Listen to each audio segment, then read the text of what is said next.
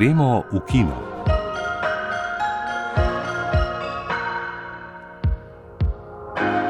Drage poslušalke, dragi poslušalci, lepo pozdravljeni. Težak položaj, v katerem sta se znašli Ukrajina, Evropa in z njima tudi drugi deli sveta, se zrcali tudi v umetnosti. Negotovost se je razširila na področje kulturnih politik, medtem ko kulturne institucije, kot so filmski festivali, ugotavljajo, da potreba po filmih, ki so družbeno kritični in ki obravnavajo kršenja človekovih pravic, nažalost še zlepa ne bo minila.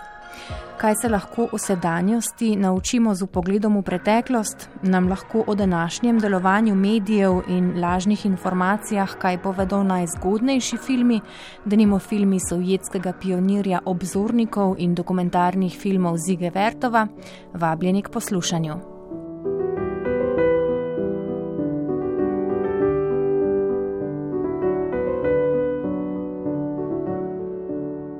Na vojno v Ukrajini se odzivajo tudi filmski ustvarjalci in ustvarjalke in drugi delujoči v svetu filma. Znotraj države se je skupina filmarjev, ki so se oklicali za kijevski uporniški filmarski bataljon, odločila, da bo kljub spopadom ostala v državi in dokumentirala dogajanje. Med njimi je za svoje kratke filme večkrat nagrajena režiserka Olga Žurba, ki je v pogovoru za naš radio povedala, da odhoda iz Kijeva ne načrtuje. I am in Kiev. I live in Kiev, so I stayed in Kiev. I started to film just a couple Sem v Kijevu. Živim v Kijevu, zato sem tukaj ostala. Snemati sem začela pred nekaj dnevi, predvsem evakuacijo prebivalcev z vlaki. Dokumentiram dneve, ker sem prepričana, da mora imeti moj narod po koncu vojne material, s pomočjo katerega bo predeloval to travmo. Vsi upamo, da se bo vojna končala. Ta trenutek Ukrajinci doživljamo najhujšo možno travmo. Ne predstavljam si, koliko desetletij, morda stoletij bo preteklo, preden bo ta rana zaceljena. Umetnost nam bo pri tem čez čas pomagala, zato sem ostala tukaj in snemam vse, kar lahko. Upam, da bo ta material v prihodnosti komu pomagal razumeti, kaj se je zgodilo. Sproti ničesar ne objavljam na družabnih omrežjih. Ukrajinski producenti in filmski ustvarjalci so organizirali varno odložišče, kjer vsi zbiramo material in nekaj od tega, kar posnamemo, delijo z mednarodno javnostjo in mediji. Vse, kar posnamemo, skrbno shranimo. Storage of materials that we are shooting Tudi v mednarodnem prostoru se vrstijo odzivi filmskih skupnosti in organizacij. Beloruska pa tudi ruska filmska skupnost sta napad na Ukrajino najostreje obsodili in izrazili solidarnost z Ukrajinci. Evropska filmska akademija je z Ukrajino le izrazila solidarnost in doživela ogorčene odzive. Med drugim je zaradi njihovega medlega odziva iz akademije izstopil ukrajinski režiser, dokumentarist Sergej Loznica.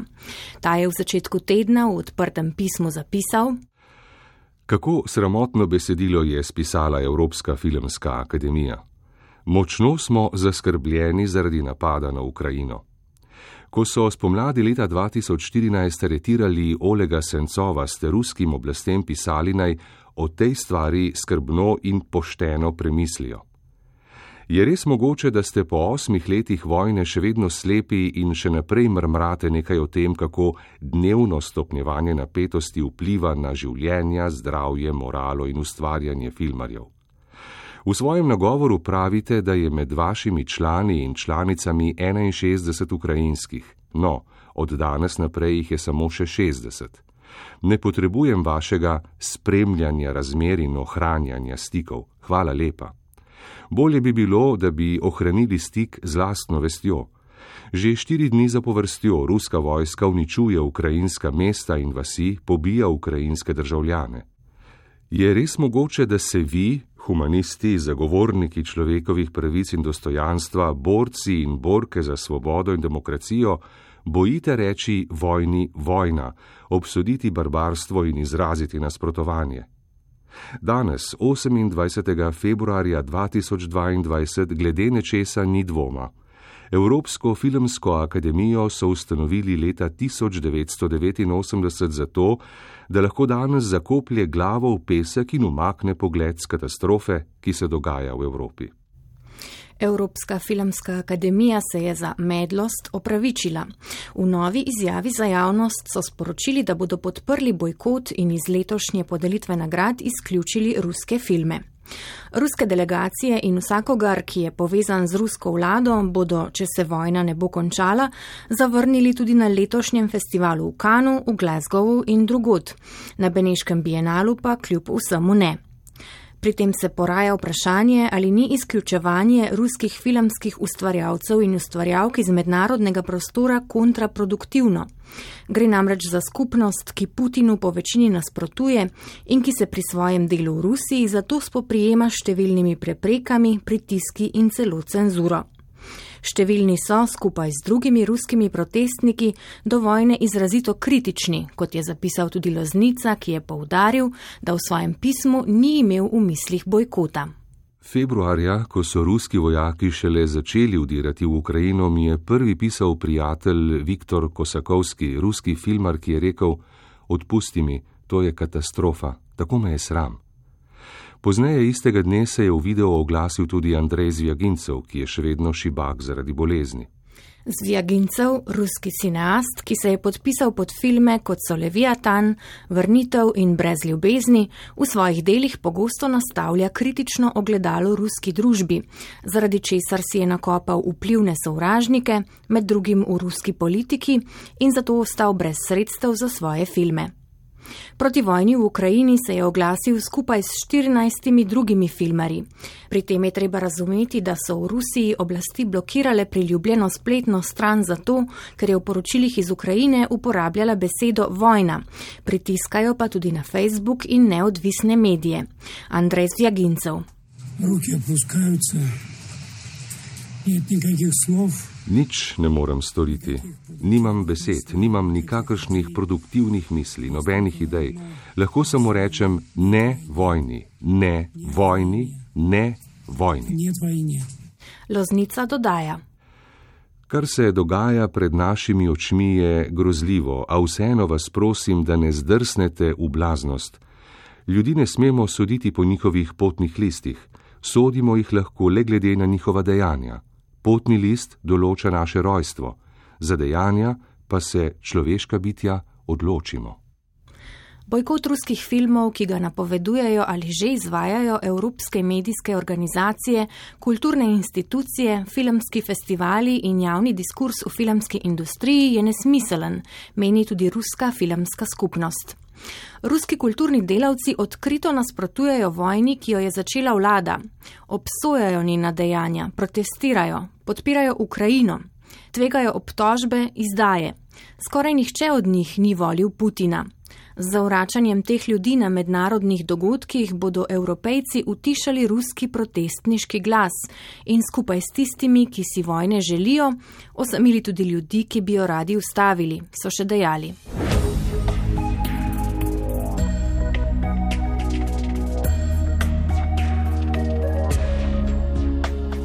Prihodnji teden se začenja 24. festival dokumentarnega filma, ki bo letos predstavil 18 novih dokumentarcev in retrospektivo ob stoti obletnici rojstva litovsko-ameriškega režiserja Jonasa Mekasa.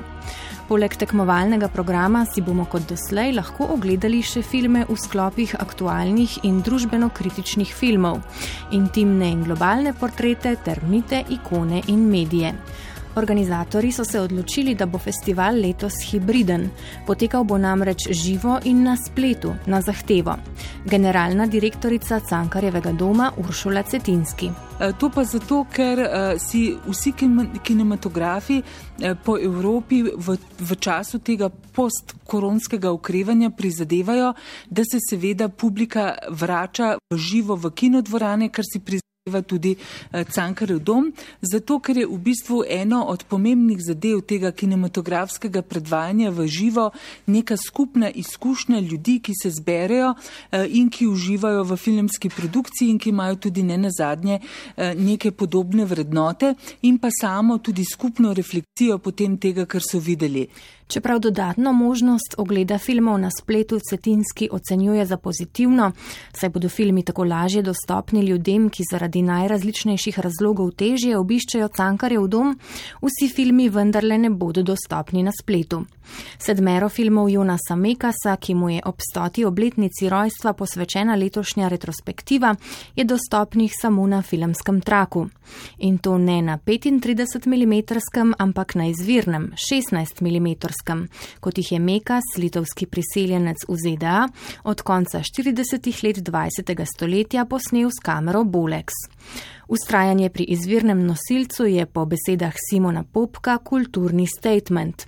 Če želite gledati moje filme, se morate odpraviti v kino. Tukaj gre v bistvu še ena zgodba o beguncu, ki je v novi svet prišel iz nekega vojnega območja, Jonas in Adolfa Smekas, njegov mlajši brat, ta pobegnila pred, niti ne toliko pred nacisti, kot pred sovjetsko vojsko uh, v zgodnih letih vojne. Tem sta po različnih ciljavnih taboriščih uh, Zahodne Evrope, sta tam hirala dobesedno 5-6 let, da sta se potem leta 1948 znašla v New Yorku in v Brooklynu in takoj kupila svojo prvo 16 mm kamero ter začela snemati filme. Jonas Mekas potem nikoli ni nehal in v bistvu v pol stoletja in več do svoje smrti leta 2019 je postal ne samo eden najvidnejših ameriških dokumentarnih in pa eksperimentalnih ustvarjalcev, ampak tudi en največjih varuhov filmske dediščine. On je bil ustanovitelj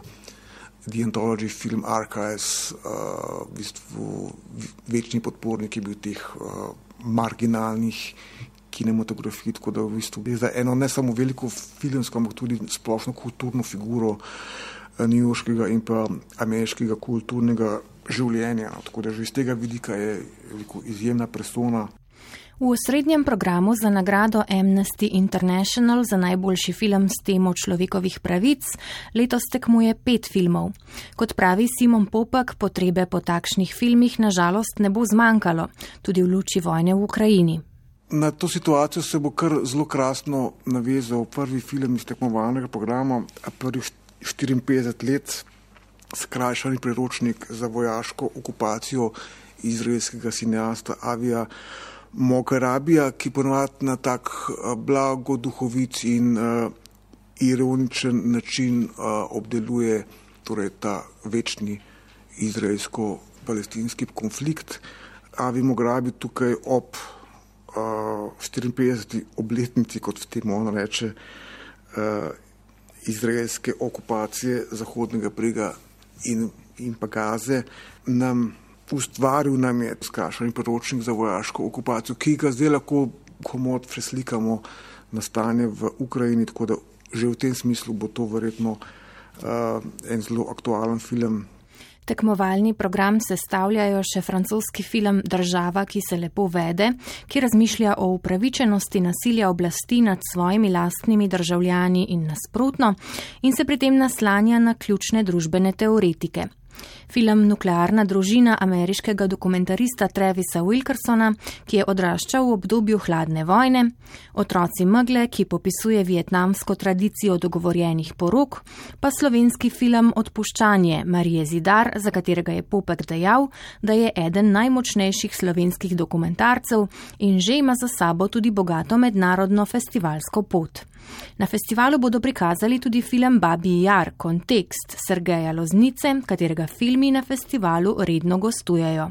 Loznica je zelo kritična ne samo do, do sovjetske popretekle zgodovine, ampak tudi do ukrajinske Babi Jar, kontekst torej govori o eh, masakru um, nacistov v Babijem Jaru na začetku uh, druge svetovne vojne, leta 1941. Uh, Babija se nahaja v okolici Kijeva, takrat so nacisti, mislim, da v enem dnevu uh, so pobili čez 30 tisoč judov, ampak Loznica nikoli uh, ne išče preprostih odgovorov, ne daje enoznačnih odgovorov, ampak seveda išče tudi uh, in seveda najde antisemitizem tudi med Ukrajinci, ki so v tistem času, so nekateri tudi pozdravljali naciste, nekateri so bili proti.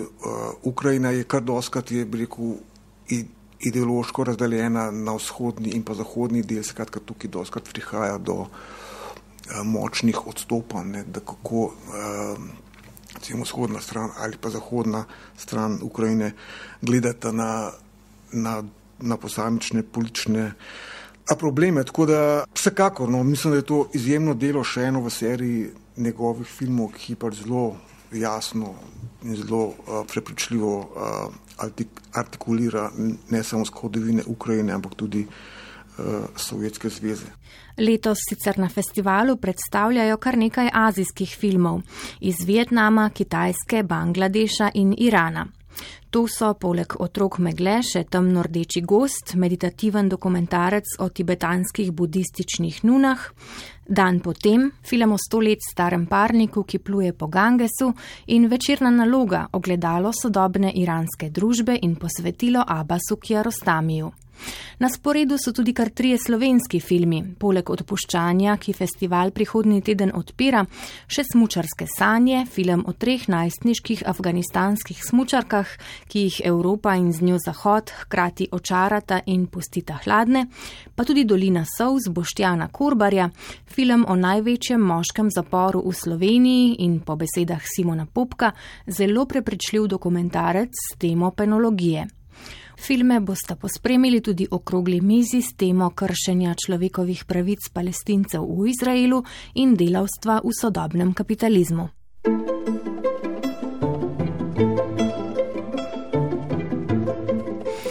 slovenski kinoteki se nocoj v počastitev stote obletnice nastanka znamenite serije filmskih obzornikov Kino Pravda začenja serija šestih filmsko-glasbenih dogodkov Kino Uho, ki bodo na sporedu vse do decembra. Odpirajo jo kratki filmi Zige Vertova, Kino Pravda številka 7 in Kino Pravda številka 10 iz leta 1922 in Kino Pravda številka 19 iz leta 1924. V živo jih bo spremljal glasbenik in kantautor Boštjan Narat, v nadaljevanju pa bo vsak program opremil drug glasbenik ali zasedba. Filme je nedavno restauriral in digitaliziral Dunajski filmski muzej. Na sporedu so bili na festivalu kratkega filma Fake v Ljubljani. Ta mesec potujejo še v Glasgow.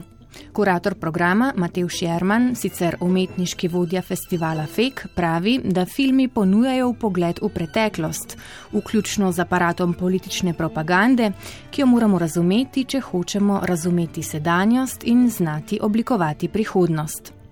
Matej Šerman, lepo pozdravljeni. Živijo. S kakšnim namenom so pred stotimi leti nastali filmi pod skupnim imenom Kino Pravda? Kaj pomeni naslov? Tako, sto let nazaj se je Sovjetska zveza znašla v obdobju neke velike prenove po revoluciji. Obenem se je takrat komunistična oblast nekako borila za, za to neko politično prevlado. Usporedno s tem pa so se te revolucionarne ideje manifestirale tudi na področju različnih umetniških področji in gibanj. In med temi je seveda tudi Gibanje Žige Vertova, ko je svojo skupino avangardnih umetnikov, tako imenovanih kinokov, takrat zastopal te revolucionarne ideje, da mora umetnost se pravi služiti ljudstvu in prikazovati se pravi resnico vsakdanjega življenja in, poli in političnih idej. In v tem smislu kino pravda pomeni v bistvu film resnice, Obenem pa je tudi, mislim, da neka taka izpeljanka iz uh, takrat znamenitega časopisa Pravda, uh, kar pomeni tudi resnica, tako da so potem uh, ti filmski obzorniki na nek način beležili to, to vsakdanje življenje in s podarkom na kolektivizacijo in industrializacijo, se pravi vse te teme pomembne tistega časa.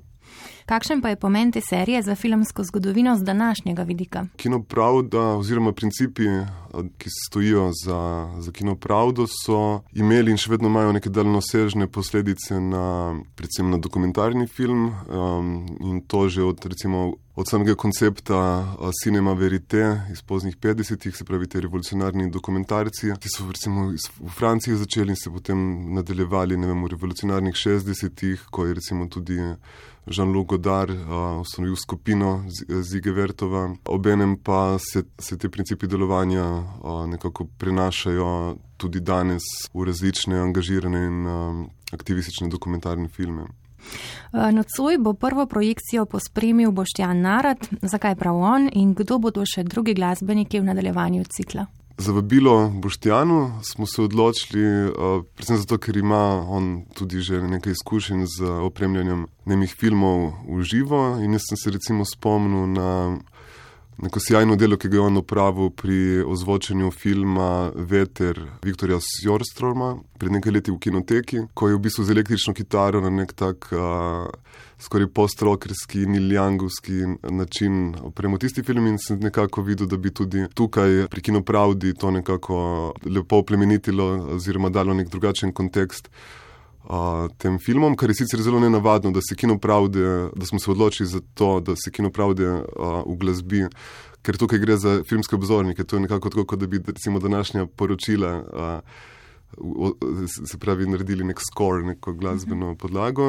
In je tudi samo po sebi zanimivo, zaradi tega, ker potem, če tukaj vzamemo ta princip uh, kolešovega efekta v montaži, se tukaj zgodi neke vrste kolešov efekt. Uh, ko, ko glasbenik z glasbo uh, doda neko svojo inter, interpretacijo o tem podobnem.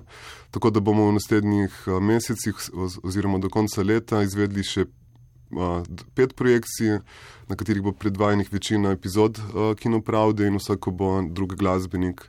Ali zasedba uglasbila, tako da imamo različne izvajalce, in, a, od eksperimentalne glasbe do elektronike, in tako naprej. Kino Pravda, torej v slovenski kinoteki. Matej Šerman, najlepša hvala za pogovor. Hvala vam. Fear is a tool. When that light hits the sky, it's not just a call, it's a warning.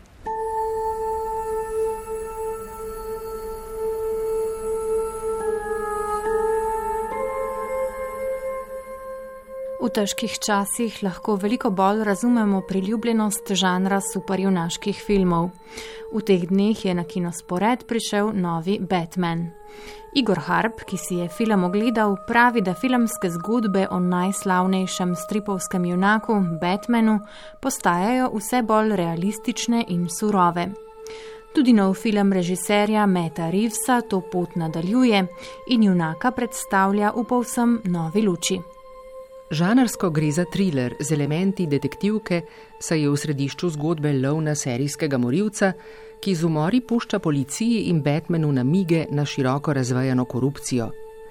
Ob temačni podobi mesta, v katerem je zmeraj noč ali dežuje, in brutalnem nasilju morilca, ima film tako več skupnega s thrillerji Davida Fincherja, kot sta Sedem in Zodiak, kot pa s filmi o superjunakih. Robert Pattinson v podobi naslovnega junaka, zamaskiranega borca proti zločincem, ki izkorišča svojo enigmatičnost, nasilnost in temačnost noči, da požene strah v kosti gotamskim zločincem. Občasno sodeluje s policijo, predvsem ko se na prizoriščih umorov mestnih veljakov začnejo pojavljati sporočila, naslovljena na Batmana. Preiskava ga vodi v svet kriminalnega podzemlja, kjer se sooči z nasilnim lastnikom nočnega kluba, ki nosi vzdevek Pingvin, in mafijskim botrom Karminom Falconejem. Pot pa mu prekriža tudi tatica in maščevalka Selina Kyle, znana kot Catwoman ali ženska mačka. Detektivski del je napet in zanimiv, saj se za vsako sledjo skriva košček bistveno širše in še nevarnejše zgodbe.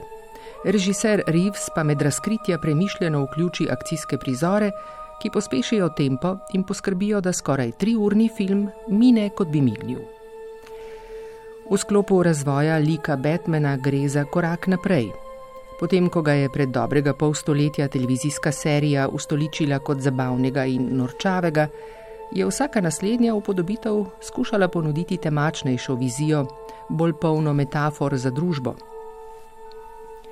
Režiserji Tim Burton, Christopher Nolan in Zack Snyder so junakovo mračno plat in nevarnosti, ki jih prinese nasilen boj proti zločinu, stopnjevali do te mere, da je denimo Vitez Teme iz leta 2008 analogija za ameriško vojno proti terorju.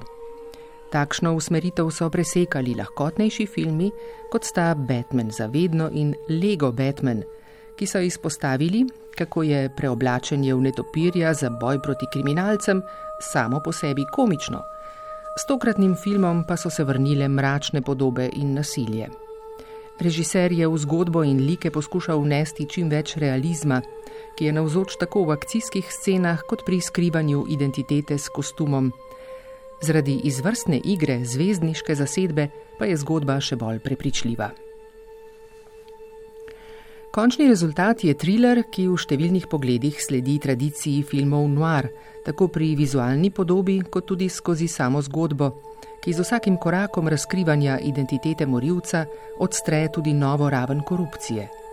Sem spada tudi zagonetna fatalka, ki želi Batmana zapeljati v svoje nevarne igre, in podoba junaka kot detektiva, ki se oklepa lastne morale, medtem ko okoli njega padajo idoli in ideali. Film ne pozabi junakovih stripovskih korenin, saj je strip s svojo črno-belo podobo že odnegdaj primerna snov za noir. Prav iz te kombinacije je pred več kot 80 leti izšel Batman in več kot očitno osnovna formula še vedno deluje.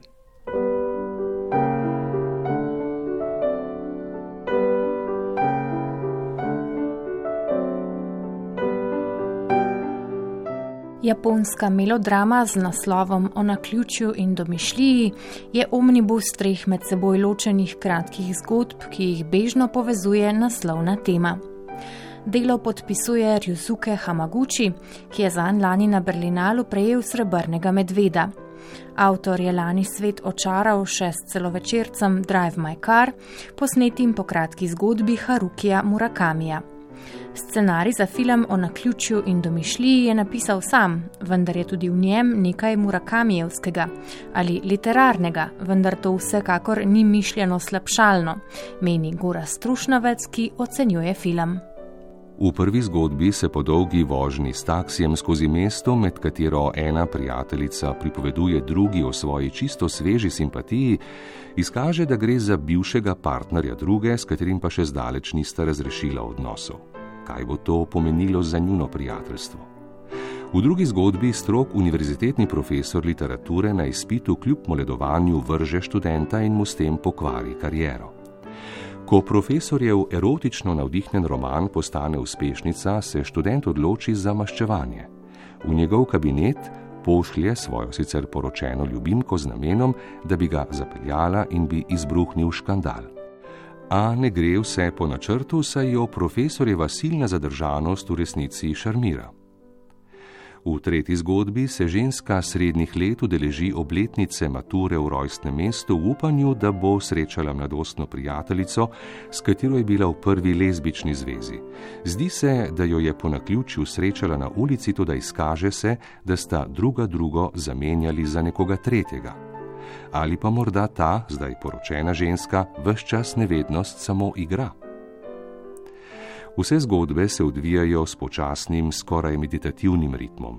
Kadri osredotočeni na obraze protagonistk, ki v pripovedih prevladujejo, lahko trajajo tudi nekaj minut, a hkrati uspeva avtorju vzdrževati spreten suspens s tem, da nikoli nismo povsem prepričani, kaj se v resnici dogaja na intimni fronti. Kljub temu, da se ne zgodi nič šokantnega, vsebujejo pripovedi vznemirljive preobrate, ki temelijo na klasičnem aristotelovskem mehanizmu pomot in prepoznan. Tu ni nič strahotno pretresljivega, a življenja vseh upletenih so na koncu spremenjena. Ryusuke Hamaguchi raziskuje nekaj dan danes sila redkega in sicer trenutek navezave pristnega človeškega stika, v katerem je lahko nekaj močno erotičnega. Tega ne mislim v seksualnem pogledu, čeprav tudi to seveda še kako spada v kategorijo človeških stikov. Podoba sveta, ki jo slika avtor, do neke mere spominja na usporedno resničnost Erika Romerja. To je tista naši vsakdani na las podobna, le da so v njej ljudje za otenek bolj kultivirani, uglajeni, razmišljujoči, občutljivi, elegantni in prizanesljivi. Avtor pri tem hodi po tankem ledu. Naslovna naključja, ki so v fabulativnem osrčju njegovih pripovedi, bi lahko delovala tudi privlečena za lase, vendar je treba izpostaviti, da je velik mojster svoje, torej filmske obrti, in mu ne zdrsne niti v enem trenutku. Nasprotno, vse čas preobrača tudi naša pričakovanja. Skratka, izredno neupadljiv film, ki pa je vreden vsakega trenutka pozornosti.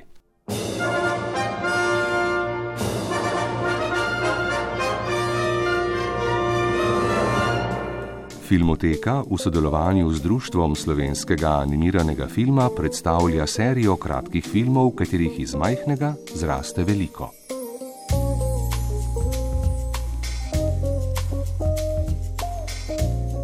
Animirane epizode prikazujejo razvoj posamezne živali v naravnem okolju od rojstva do odrasle dobe. Serija šestih petminutnih filmov z naslovom Tako zraste, režiserjev Jrneja Žmitka in Mihe Kalana, prikazuje preobrazbo in rast metulja, žabe, polža, petelina, netopirja in ribe. Animirano serijo, dostopna je na spletni strani založbe kakovostnih programov, priporočamo za otroke od tretjega leta starosti naprej.